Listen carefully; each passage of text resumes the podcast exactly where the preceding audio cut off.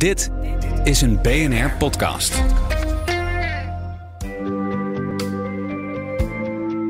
Wetenschap in het kort met Carlijn Meinders.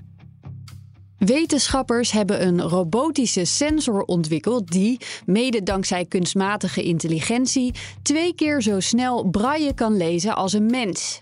315 woorden per minuut met een nauwkeurigheid van bijna 90 Nou is het niet zo dat deze robot is ontwikkeld om mensen met slecht of geen zicht te helpen. Al zou dat wel een optie zijn. Het was onderdeel van een onderzoek naar het nabootsen van de gevoeligheid van menselijke vingertoppen. Dat is een van de moeilijkste onderdelen om goed te krijgen in robots en protheses, omdat onze zachte vingertoppen nogal indrukwekkend zijn. Ze kunnen de kleinste veranderingen in textuur voelen, zijn temperatuurgevoelig en ze helpen ons in te schatten hoe en met hoeveel kracht we iets moeten vastpakken of verplaatsen zonder het te beschadigen. Voor een robot of prothese zou het ook handig zijn om die gevoelige kussentjes te hebben. Alleen moeten er dan vaak ook sensoren in verwerkt worden. Vandaar deze test met een nieuw soort robotische vingertoppen.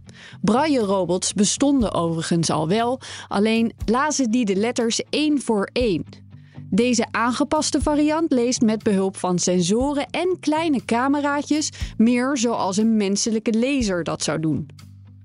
Het moeilijke hierbij was wel dat het beeld beweegt en daardoor onduidelijk wordt.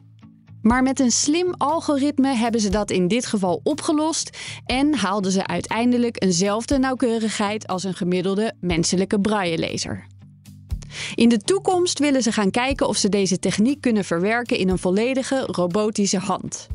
Met het idee dat het ooit in de buurt moet komen van al onze aftast- en vastpakvaardigheden. Wil je elke dag een wetenschapsnieuwtje? Abonneer je dan op Wetenschap vandaag. Luister Wetenschap vandaag terug in al je favoriete podcast-apps.